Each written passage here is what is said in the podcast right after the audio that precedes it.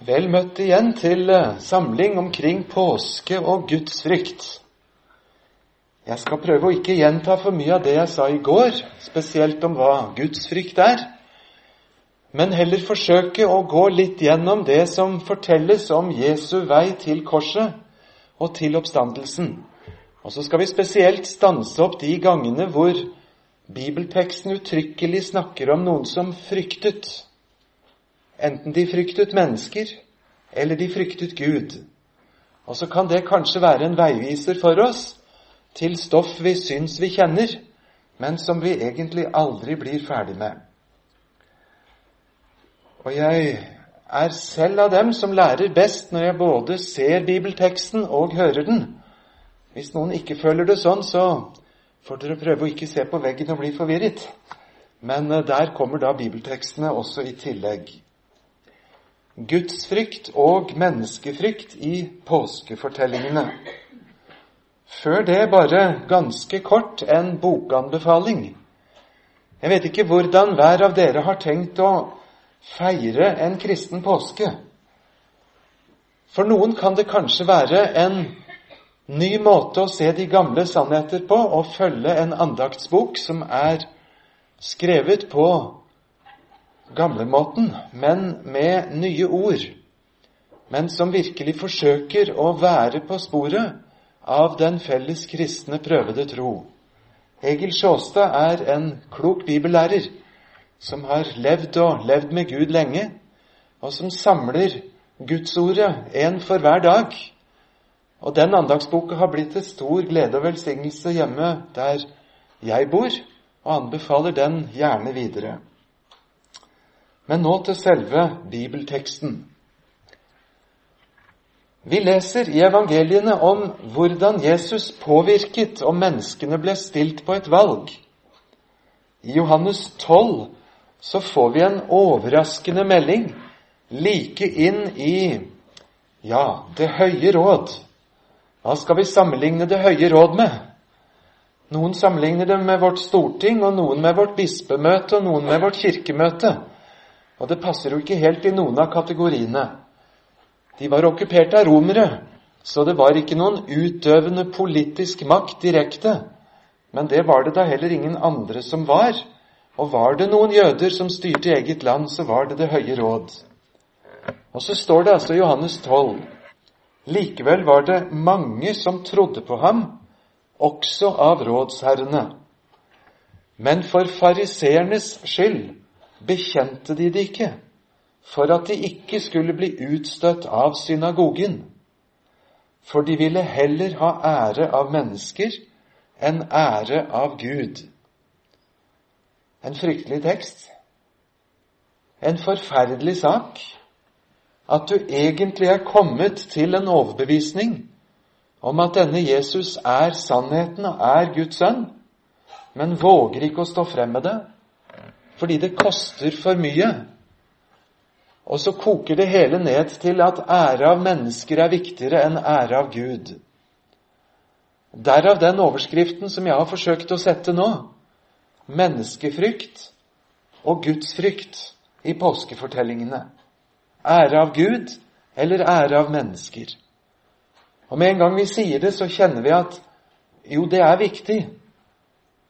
Og samtidig så kjenner vi det der er faktisk også noe av vår smerte, noe av vår kamp. Å leve et helhetlig liv for Jesus, som ikke vakler, og som ikke vingler, og som ikke tar hensyn til hva mennesker sier. Og Det beste vi kan gjøre med det, er å gjøre det til en bønn innenfor Gud. At Han må gi oss det modige, dristige, avgjorte hjertet at hans saker må bli så viktige for oss at ikke vi havner i denne kategori. Jeg er redd vi skal møte flere bibeltekster som forteller noe av det samme smerte og dilemma. Jeg må få ta et lite skritt tilbake i Gamle testamentet før vi fortsetter der vi gjør. Og Det er fra profetenes forkynnelse. Og Det handler om å knytte dette med gudsfrykt og menneskefrykt til det første bud. Det første bud om at vi skal slett ikke ha noen annen Gud enn Han som er den sanne, levende Gud. Dette var profetenes kamp og smerte i et nøtteskall. Og stadig var fristelsen der for jødefolket til å støtte seg på noen livsområder til det som de kunne produsere av falske guder, som ble tilbedt overalt ellers. Jeremia 10 er utrolig skarp og sarkastisk. De første fire versene handler om at Jeremia beskriver prosessen med å produsere en gudestatue. Fra de hogger treet, til de finskjærer stammen, til de får gullsmer og sølvsmer til å utsmykke stokken så den skal se ut som en gud, til malere og kunsthåndverkere utstyrer det, og så blir det riktig et kunstprodukt. Men Jeremia spotter og sier at det duger da slettes ingenting. Og skulle jeg nå finne en sammenligning, sier han her i vers 5, så måtte det være et fugleskremsel i en agurkåker. Hører vi satiren? Hva kan dere bruke dette mesterverket til som dere faller ned for og tror skal være en gud som styrer livet? Ta dem ut i agurkåkeren, så skremmer det kanskje fuglene. Så er det til nytte for noe. Ja, for noe annet duger det altså ikke til. Så dristig var profetenes oppgjør med hedenskap, med avgudsdyrkelse. Og underveis så sier Jeremia, frykt ikke for Og for oss er det enkelt. Vi frykter ikke for en bronsestatue av Buddha. Men snakk med en som hver dag til han er blitt en voksen, tror at helse og liv, velferd, død og fremgang avhenger av Buddhas velsignelse eller ikke. Da er det ikke fullt så enkelt å si 'frykt ikke for dem'. Men Jeremia fortsetter og sier, Hvem skulle ikke frykte deg, du folkenes konge? Og så sier han, det sømmer seg. Og det skal vi si til hverandre denne lørdagen. Det sømmer seg for Guds folk å frykte Gud. Å frykte og elske Gud alene. Og det er altså ikke mulig å frykte Gud hvis du i virkeligheten frykter avgudene. Her er det et valg. Hvem er din Gud? Husker du Jesus sa du kan ikke tjene Gud og mammon. Han sa ikke at det er uklokt å tjene Gud og mammon. Han sa ikke 'jeg syns ikke dere burde det'. Han sa ikke at det kan bli vanskelig.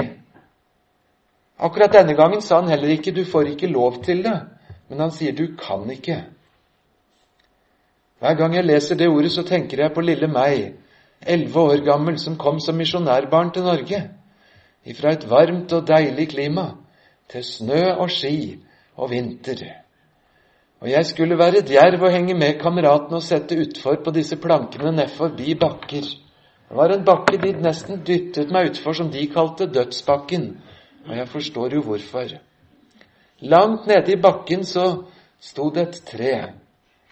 Og det treet kom imot meg i stor fart. Og et sånt tre, det skjønner jeg jo nå, det avtvinger et valg. Skal jeg passere på høyre eller på venstre side? Og jeg passerte treet på høyre og venstre side. Én ski på hver side. Og det gikk bra med treet. Men jeg husker det smellet. Det husker skia og brillene og litt av hvert av klokker som for. Det hadde jeg godt av. Det treet står plantet i livet mitt fra Matteus 6,24. Dere kan ikke tjene Gud og mammon. Hører du fra Guds ord og fra profetene? La de der gudebildene få, duge som fugleskremsel i en agurkåker. Noe annet kan de ikke. Men du skal frykte Herren.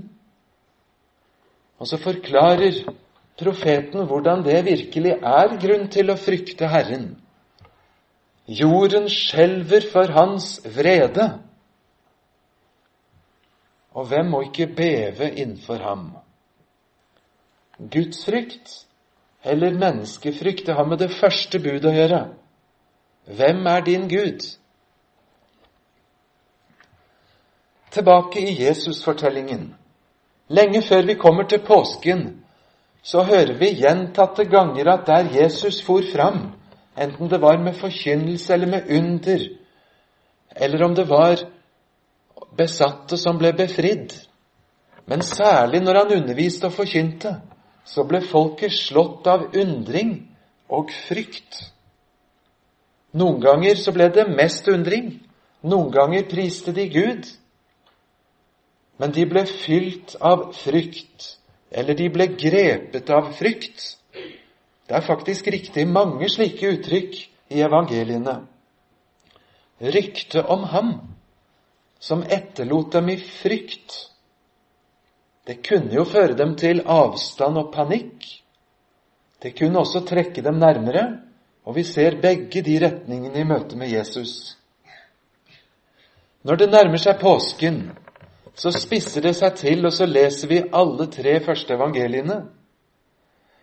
Dette fikk ypperstepresten og de skriftlærde høre, og de prøvde å finne råd for å få ryddet Jesus av veien. For de fryktet for ham, fordi hele folket var slått av undring over hans lære.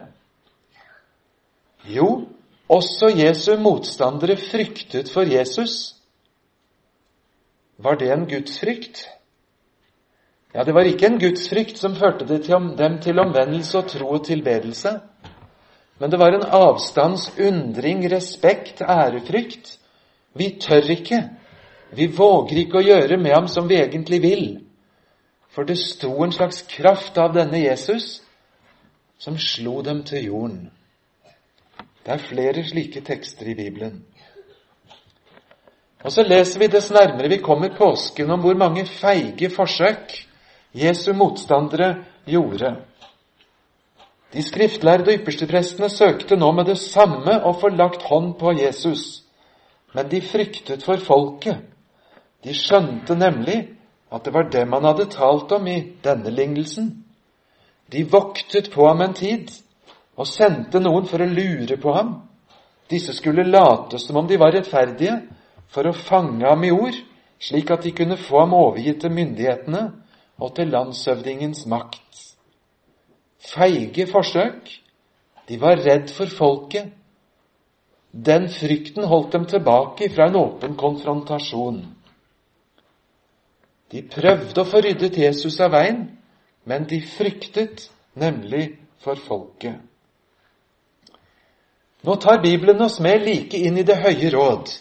Og det er jo spennende å ha et møtereferat ifra Det høye råd om forhandlingene der og hvem som sa hva. Der leser vi fra Johannesevangeliet om en gang ypperstepresten og fariseerne kalte hele rådet sammen. Og så spør de rådville, hva skal vi gjøre? Denne mannen gjør mange tegn. Lar vi ham holde på slik, vil alle tro på ham. Og så kommer romerne, og så tar de både vårt hellige sted og vårt folk. Men en av dem, Kaifas, som var yppersteprest det året, sa til dem, dere forstår ingenting. Dere tenker ikke på at det er til gagn for dere at ett menneske dør for folket, og ikke hele folket går til grunne. Dette sa han ikke av seg selv, men da han var yppersteprest dette året, talte han profetisk om at Jesus skulle dø for folket. Og ikke bare for folket, men også for å samle til ett de Guds barn som er spredt omkring. Og fra den dagen la de opp planer om å drepe Jesus.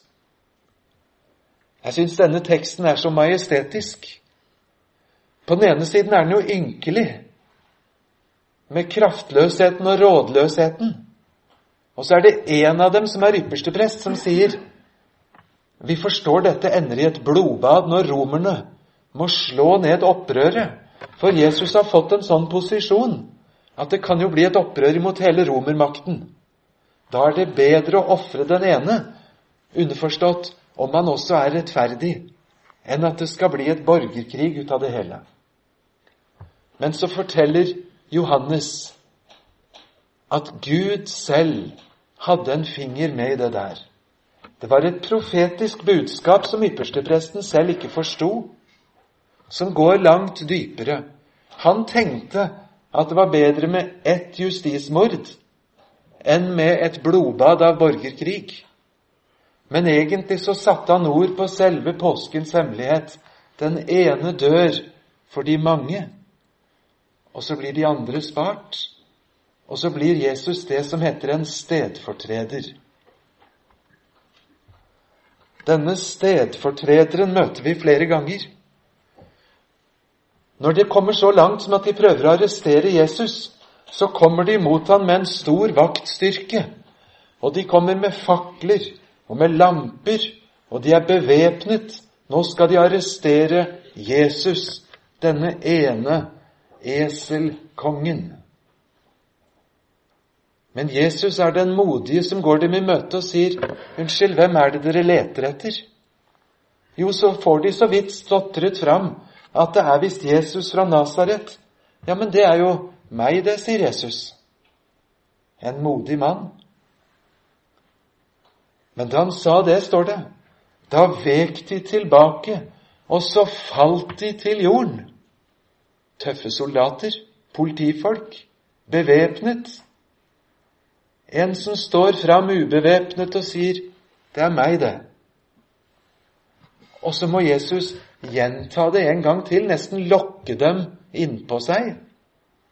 Jeg sa jo at det er meg, og hvis det er meg dere leter etter, så la disse få gå. Hører du igjen den profetiske doble bunnen i det? Jesus som stiger fram på vegne av tolv redde disipler, men også på vegne av deg og av meg, og går Gud i møte på våre vegne og sier, 'Er det meg, Herre? Er det meg, Far?' Så la disse få gå, og så får du og jeg gå fri, fordi en annen ikke gikk fri. Hadde vi tid, så skulle vi slått opp på tre-fire steder i Johansevangeliet hvordan Jesus gikk rundt og sa, 'Dit jeg går, kan ikke dere komme?' Og ja, kanskje han skal reise til Hellas og forkynne for jødene som er i diasporaen der, i etter jødene. Neste gang Jesus sier 'dit jeg går, kan dere ikke komme', så begynte de å bli redd for at han hadde tenkt å ta livet sitt. Tredje gangen så sa han det til sine disipler, og da forklarer han det at han skal gå alene. Og Jesus gikk fredsmarsj alene på våre vegne som en stedfortreder.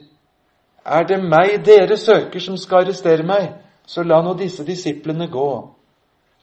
Og innenfor Gud er det meg du skal holde ansvarlig for alle menneskers synder, så la disse få gå, stedfortrederen.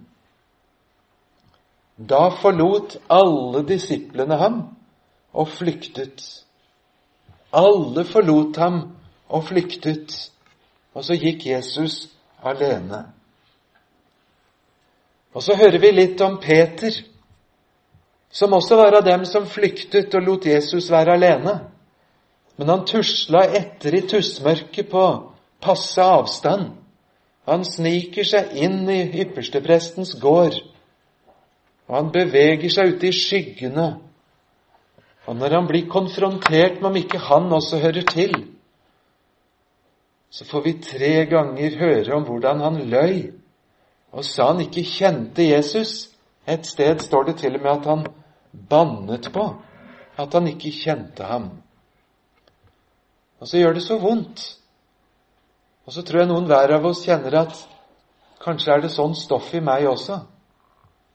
At jeg også kanskje kunne svikte. Eller kanskje har vi en overmodig stemme som sier hadde jeg vært der, så skulle i hvert fall sett én som sto opp på hans side.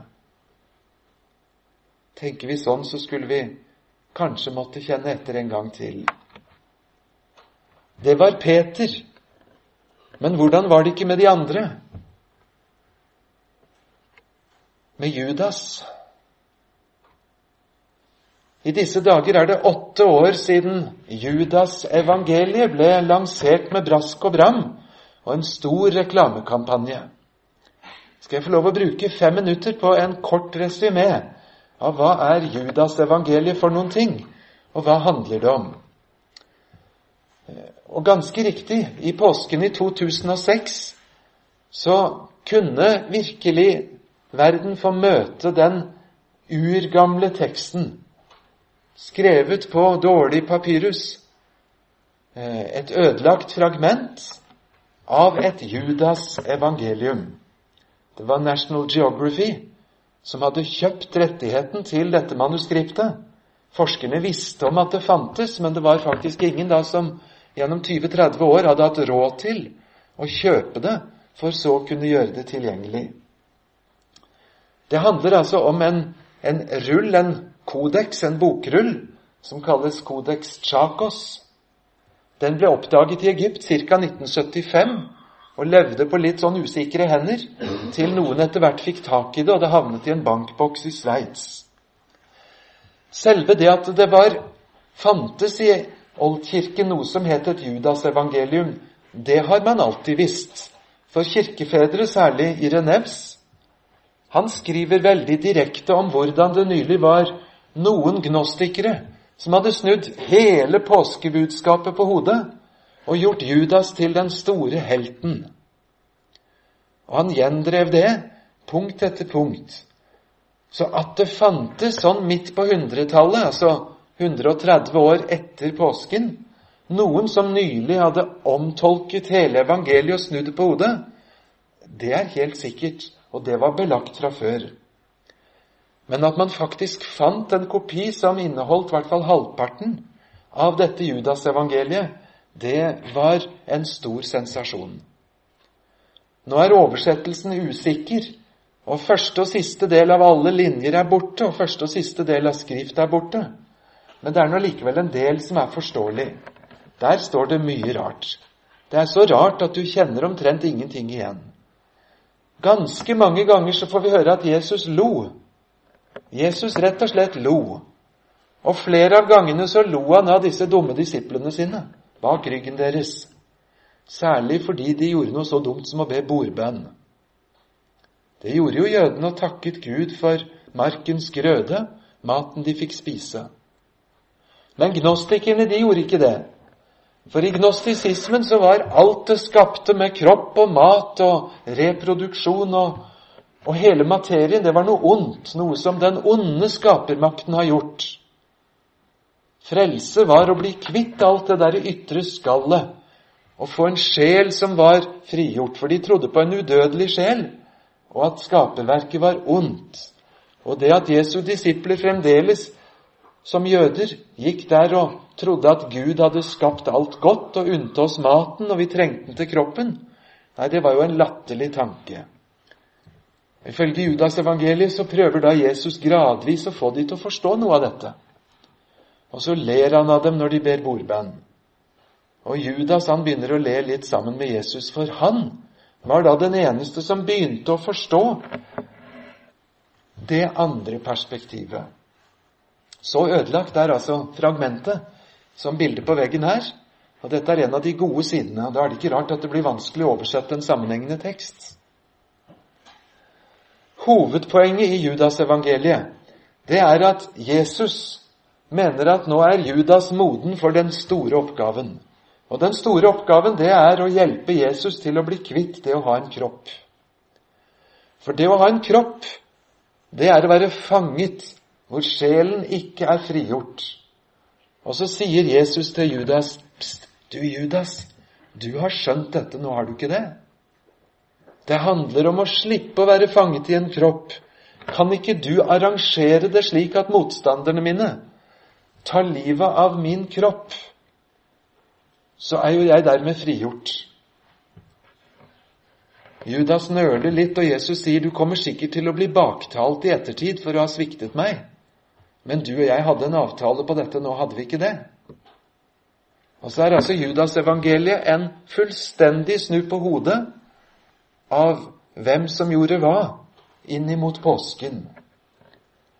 Det er denne slags gnostiske vranglærer som gjorde at vår trosbekjennelse, som vi nettopp fremsa, den har i snart 2000 år hatt uttrykkelig med det leddet legemets oppstandelse og det evige liv. Det har vi lært av Skriften, av Jesus og apostlene. Det var da Paulus ble pepet ut på Areopagos, når han begynte å snakke om at legemet skulle stå opp igjen. Nei, la oss nå bli kvitt den slags, tenkte de. Neste gang du fremsier bekjennelsen, så gjør det med glede og triumf over at du kjenner Skaperen, som ønsker å gjenskape hele deg, han som ønsker at du skal helliges tvers gjennom, så både ånd og sjel og legeme skal bevares fullkomne, ulastelige til vår Herre Jesu Kristi dag. Jeg var på en fagdag på Rikshospitalet, og en kristen patolog han sa at vi har hatt mye trøbbel med Kirkens bekjennelse om legemets oppstandelse her, sa han, hvor vi obduserer dem som er døde. Kan ikke dere teologer få snudd på det og så heller innføre et uttrykk som heter personlighetens oppstandelse? Det hadde vært mye bedre, sa han. Nei, svarte vi, det kan vi ikke. Vi kan ikke forråde Skriften. Vi kan ikke mene og lære noe annet enn det Herren sier. Og så står det der og butter som en skarp kant som river i motstand på så mange vis. Det var en kort, liten parentes om hvordan noen, 120 år etter Jesu tid, måtte dikte om hele Jesus-fortellingen for å få det til å passe med sitt verdensbilde. Og så galt gikk altså det, som i Judas evangeliet. Tilbake til Jesus-fortellingen slik den står. Jesus blir arrestert, han er i forhør for Det høye råd. Han kommer for Pilatus, i hvert fall i to runder av forhør. Da tok Pilatus Jesus og lot ham hudstryke, altså piske. Pilatus gikk da ut igjen til folket og sa til dem, Se, jeg fører ham ut til dere for at dere skal vite at jeg finner ikke noen skyld hos ham. Jesus kom da ut og bar tornekronen og purpurkappen, og Pilatus sa til dem, Se dette mennesket. Det er en Pilatus som står på et valg, og som må bestemme. Da nå ypperstepresten og tjenerne fikk se ham, ropte de 'Korsfest! Korsfest!' Men Pilatus sier til dem, 'Ta dere ham og korsfest ham, for jeg finner ingen skyld hos ham. Jødene svarte ham, vi har en lov, og etter den loven er han skyldig til å dø, fordi han har gjort seg selv til Guds sønn.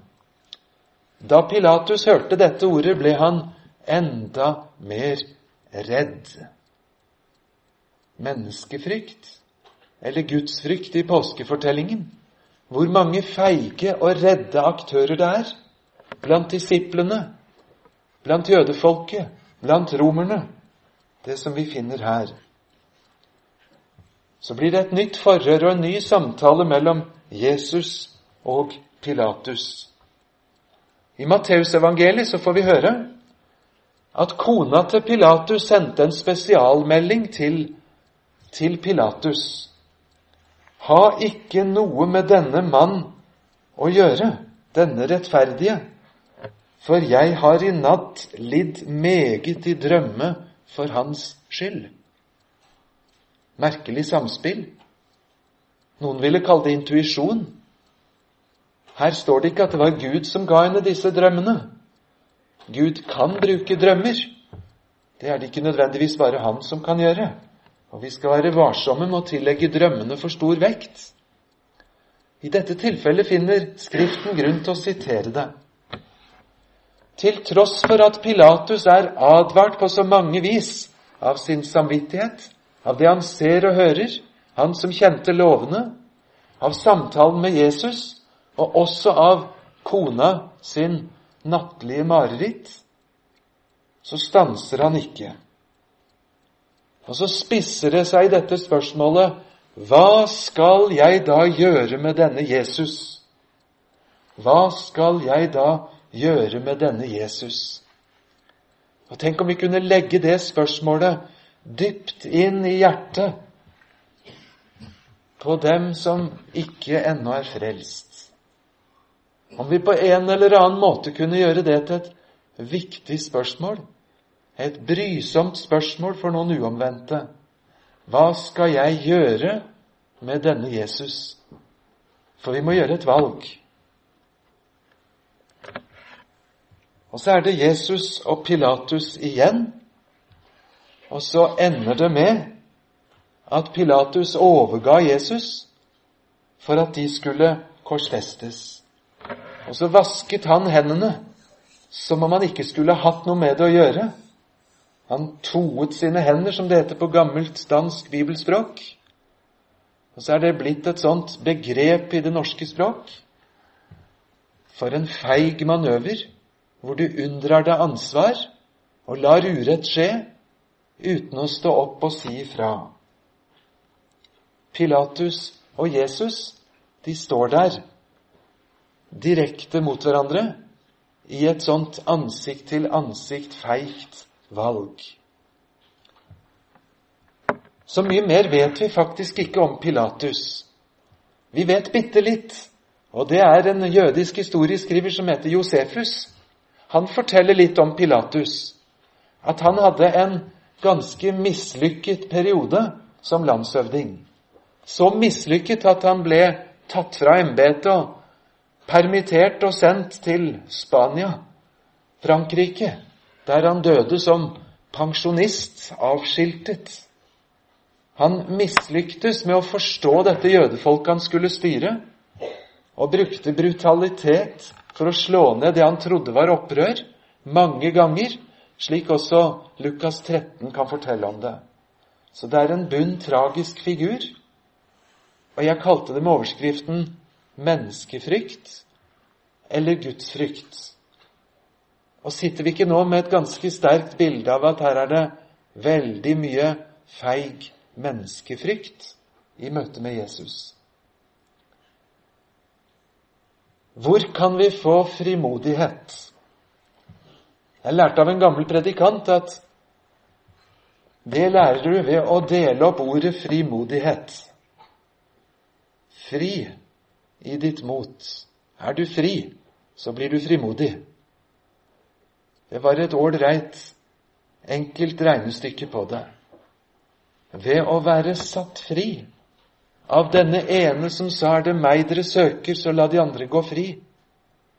Jeg er fri fordi en annen tok min straff.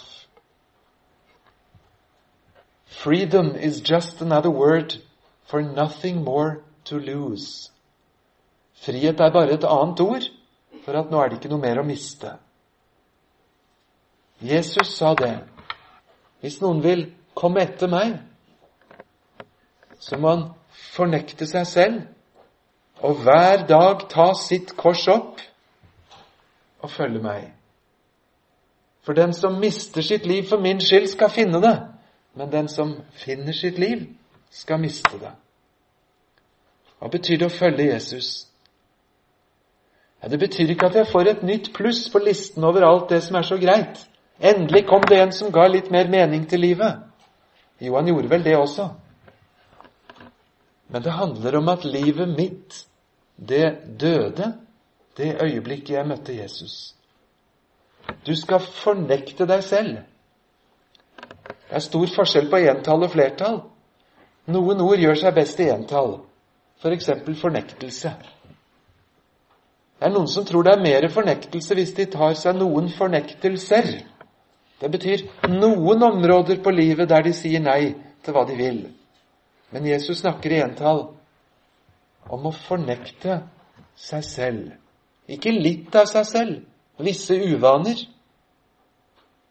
Fornekte seg selv og ta dødsstraffen opp over seg selv. Følge Jesus, miste sitt liv. Å bære sitt kors det er ikke en demonstrasjonstog hvor vi vifter med noe vi syns er veldig ålreit.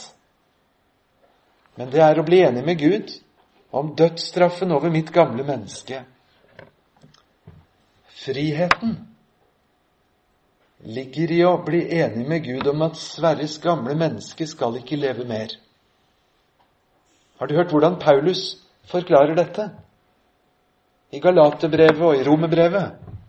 Ser du for deg Paulus gå på gata et eller annet sted i Galatia og si 'God dag, mitt navn er Paulus, jeg lever ikke'.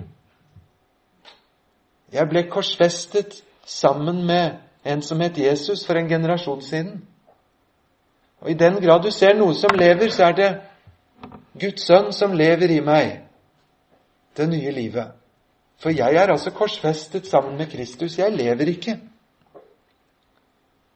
Fire steder bruker Paulus denne uttrykksmåten. Det å være en Jesu etterfølger, det er å ha satt stopp og ikke ha sine forventninger til dette livet. Menneskefrykt, det er å tviholde på forventningene til dette livet. Gudsfrykt, det er å satse på et annet spor. Det livet jeg nå lever, det lever jeg i troen på Ham, som døde og stå opp igjen. Og så blir det et helt annet liv. Og spør vi hva det betyr dette å fornekte seg selv, så er det nettopp det vi så Peter gjorde, som kan hjelpe oss på sporet. Da de anklaget Peter for å være en Jesu venn, da nektet han og fornektet Jesus og sa 'Jeg vet ikke hvem den mannen er'. Ja, men det er det det er å fornekte seg selv. Når synden, kjødet, Satan, fristelsen kommer og banker på, så svarer vi 'beklager'. Vi kjenner ikke det mennesket du henvender deg til. Du appellerer til det gamle mennesket om livsutfoldelse. Ja, men han er død. Han er druknet. Det er det nye livet som lever. Spør du etter han, så må jeg henvise deg til kirkegården. Der finner du han. Det er brutalt sagt. Det er ikke at vi skal fornekte bitte lite grann, og så bære lite grann kors, og så være litt Jesus-fan. Men å fornekte seg selv, ta dødsstraffen opp over livet sitt, følge Jesus og miste det. Og det er altså ikke så fort gjort. Og vel derfor Jesus sa hver dag ta sitt kors opp og følge meg. Og så er kristenlivet en underlig vandring. Med det gamle som sleper med oss, og det nye som Herren har skapt. Pilatus hadde også skrevet en innskrift. Den satte han på korset. Der sto det skrevet 'Jesus fra Nasaret, jødenes konge'. Denne innskriften leste da mange av jødene, for stedet der Jesus ble korsfestet, lå nær byen. Og innskriften var på hebraisk, latin og gresk, for sikkerhets skyld. Jødenes ypperste prester sa da til Pilatus, skriv ikke 'jødenes konge', men skriv at han sa 'jeg er jødenes konge'. Pilatus svarte, 'Det jeg skrev, det skrev jeg'. Endelig kunne han stå for noe. Tvetydig om det var hans bekjennelse. Men det sto der på alle de tre språkene. Jeg har en masse bibler hjemme. Jeg elsker å lese Bibelen på mange språk og i mange oversettelser, og forsøker å vurdere hva som er rett og godt. Den sprøeste av de jeg har på tysk, heter Folksbibel, og den er virkelig så sprø at jeg kan knapt kalle den bibel. Der er det føyd til noe her når Pilatus har sagt noen ting om at det jeg skrev, det skrev jeg. Was ich geschrieben habe, habe ich geschrieben, und damit basta. Og dermed basta. Jeg tar det litt ut av sin sammenheng, men det er jammen ikke så dumt. Med noen sånne tydelige uttrykk, og dermed basta. Er han jødenes konge, eller er han ikke det? Er han min stedfortreder?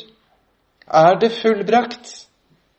Kan jeg dø og være viss på at dette bærer gjennom dommen og inn i evigheten? Og så står det 'damit basta'. Hvem har siste ord? Akkurat ved denne anledningen var det Pilatus. Troen, det er å stole på at siste ord ifra Herren, det er akkurat det han har sagt og stole på at slik han har sagt, slik blir det. Han farer ikke med billige løfter ut i det blå.